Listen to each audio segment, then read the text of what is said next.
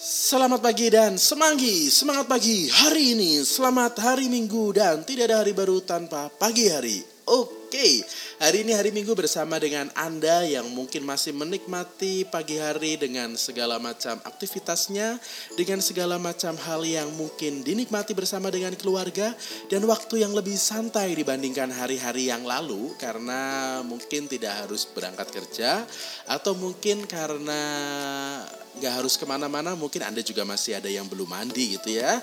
Atau Anda yang masih mendengarkan suara saya ini dari kasur karena masih rebahan mumpung hari Minggu mumpung libur gitu atau mungkin Anda yang sudah mulai bersiap untuk segala macam aktivitas sepanjang hari Minggu ini.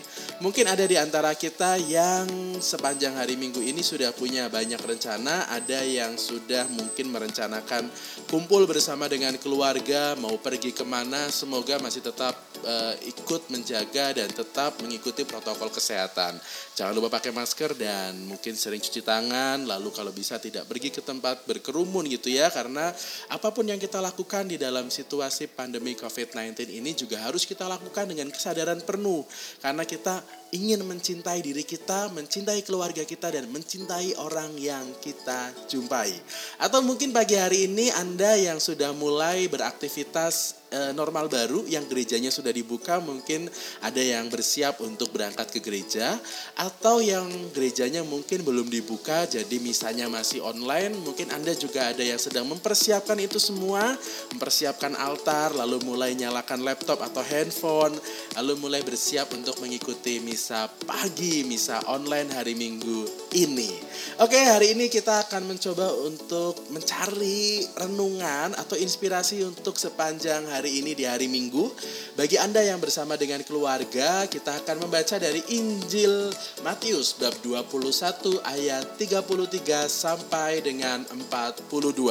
Untuk Anda yang mungkin sudah ikut misa kemarin malam, hari Sabtu sore mungkin sudah membaca bacaan Injil ini atau mungkin Anda yang sudah uh, ikut misa pagi hari ini juga mungkin sudah baca atau mendengar bacaan Injil dari Matius bab 21 ayat 33 sampai 43. Tapi kalau Anda mungkin pingin baca lagi secara pribadi, Anda bisa pause suara saya seperti biasa gitu ya atau Anda juga bisa buka handphone Anda masing-masing untuk baca bacaan Injil hari ini.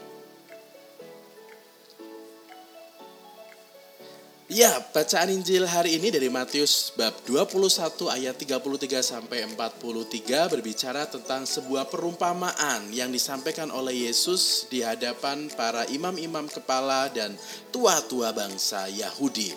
Perumpamaannya adalah tentang seorang pemilik tanah, pemilik kebun anggur yang dia mau pergi jauh keluar kota atau keluar negeri gitu ya. Pokoknya dia akan pergi jauh lalu memasrahkan kebun anggurnya ini kepada para penggarap dengan harapan nanti mereka menggarap kebun anggurnya dan si pemilik tanah ini mendapat jatah atau mendapat bagian dari hasil panen si kebun anggur ini.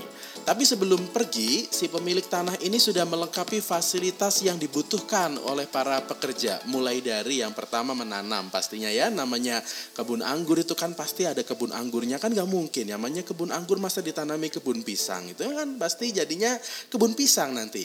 Maka si tuan tanah ini sudah mempersiapkan kebun anggurnya dengan menanam ke uh, pohon anggur di situ. Lalu yang kedua karena dia tahu kalau misalnya nggak ada pagar maka dia bikin pagar.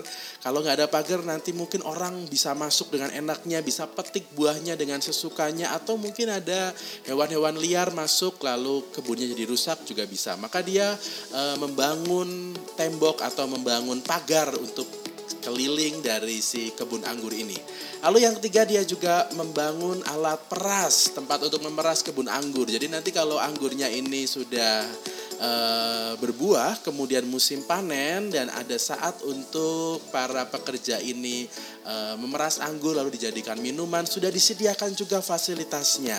Lalu yang keempat supaya para pekerja ini enak di dalam mengawasi si kebun anggur yang luas ini, pemilik tanah ini juga membangunkan pos penjaga. Jadi kalau kita melihat sebetulnya Fasilitasnya sudah lengkap gitu ya. Para pekerjanya itu tinggal bekerja. Tinggal dia bekerja dengan baik, tinggal dia melakukan tugasnya. Lalu nanti kalau sudah tiba saatnya panen mereka panen, kemudian sudah saatnya ada hasilnya lalu si pemilik tanah ini diberi apa yang menjadi jatah atau bagiannya.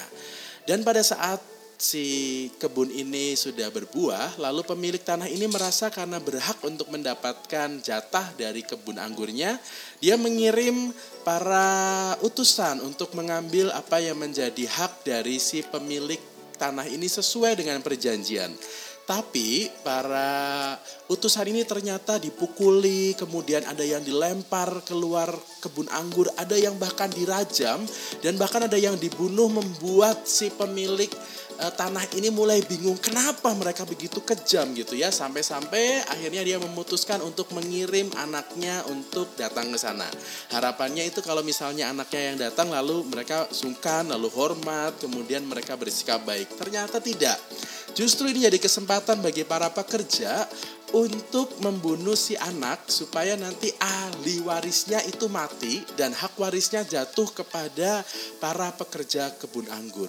Coba kita bayangkan begitu ya, seorang uh, pemilik tanah yang sudah merelakan tanahnya untuk dikerjakan oleh para pekerja, sudah dibikinkan fasilitas begitu lengkapnya, ternyata mereka malah berharap untuk dapat sesuatu yang lebih, merebut sesuatu yang bukan jadi hak dan juga miliknya.